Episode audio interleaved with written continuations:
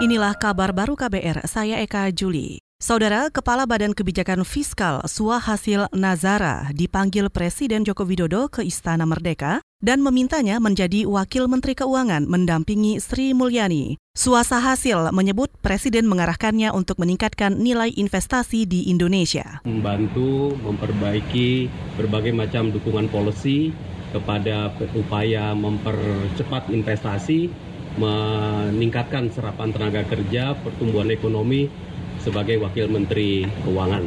Demikian saya rasa uh, terima kasih untuk. Kepala Badan Kebijakan Fiskal Suahasil Nazara menambahkan, Presiden berharap dirinya bisa menunjukkan kemampuannya dalam bidang ekonomi dan peningkatan kapasitas daya saing investasi dalam waktu singkat. Suahasil juga optimistis menguasai permasalahan di bidang ekonomi. Sejak pagi, sejumlah orang dipanggil Presiden Jokowi ke Istana Negara untuk dijadikan wakil menteri dari Kabinet Indonesia Maju yang ia lantik Rabu kemarin.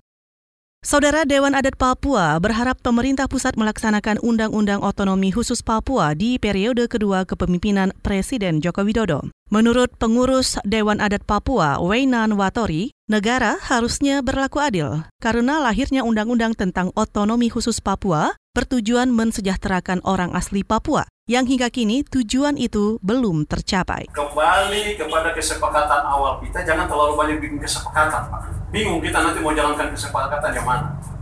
Kesepakatan yang dulu itu adalah khusus itu, Undang-Undang Otonomi Khusus itu jalankan aja kesepakatan itu. Pengurus Dewan Adat Papua Wainan Watori juga menambahkan, Undang-Undang Otonomi Khusus Papua mengatur sejumlah hal terkait hak-hak orang asli Papua dan merupakan hasil Kongres Rakyat Papua tahun 2000 lalu. Namun dalam pelaksanaannya, berbagai pasal yang mengatur terkait hak-hak dasar orang asli Papua tidak dapat diimplementasikan. Alasannya bertentangan dengan undang-undang sektoral lainnya.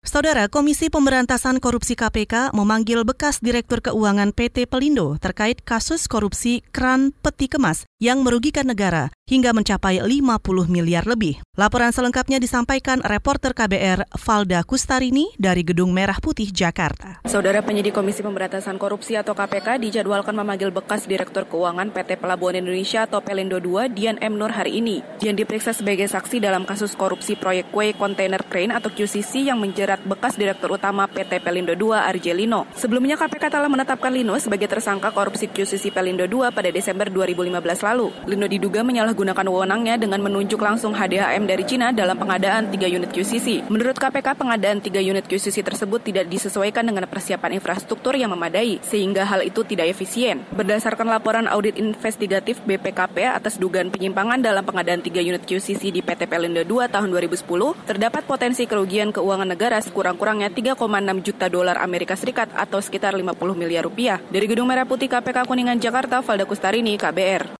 Saudara Lembaga Perlindungan Anak Indonesia atau LPAI mendesak kepolisian bisa lebih transparan dan objektif dalam menangani anak yang menjadi tersangka di aksi demonstrasi yang berujung kerusuhan dan kerusuhan tersebut terjadi pada Mei dan September 2019 lalu. Ketua Umum LPAI Seto Mulyadi mengatakan, kepolisian harus lebih memerhatikan hak anak di bawah umur agar bisa dipertimbangkan mendapat diversi atau pengalihan penyelesaian perkara dari peradilan ke proses di luar peradilan pidana.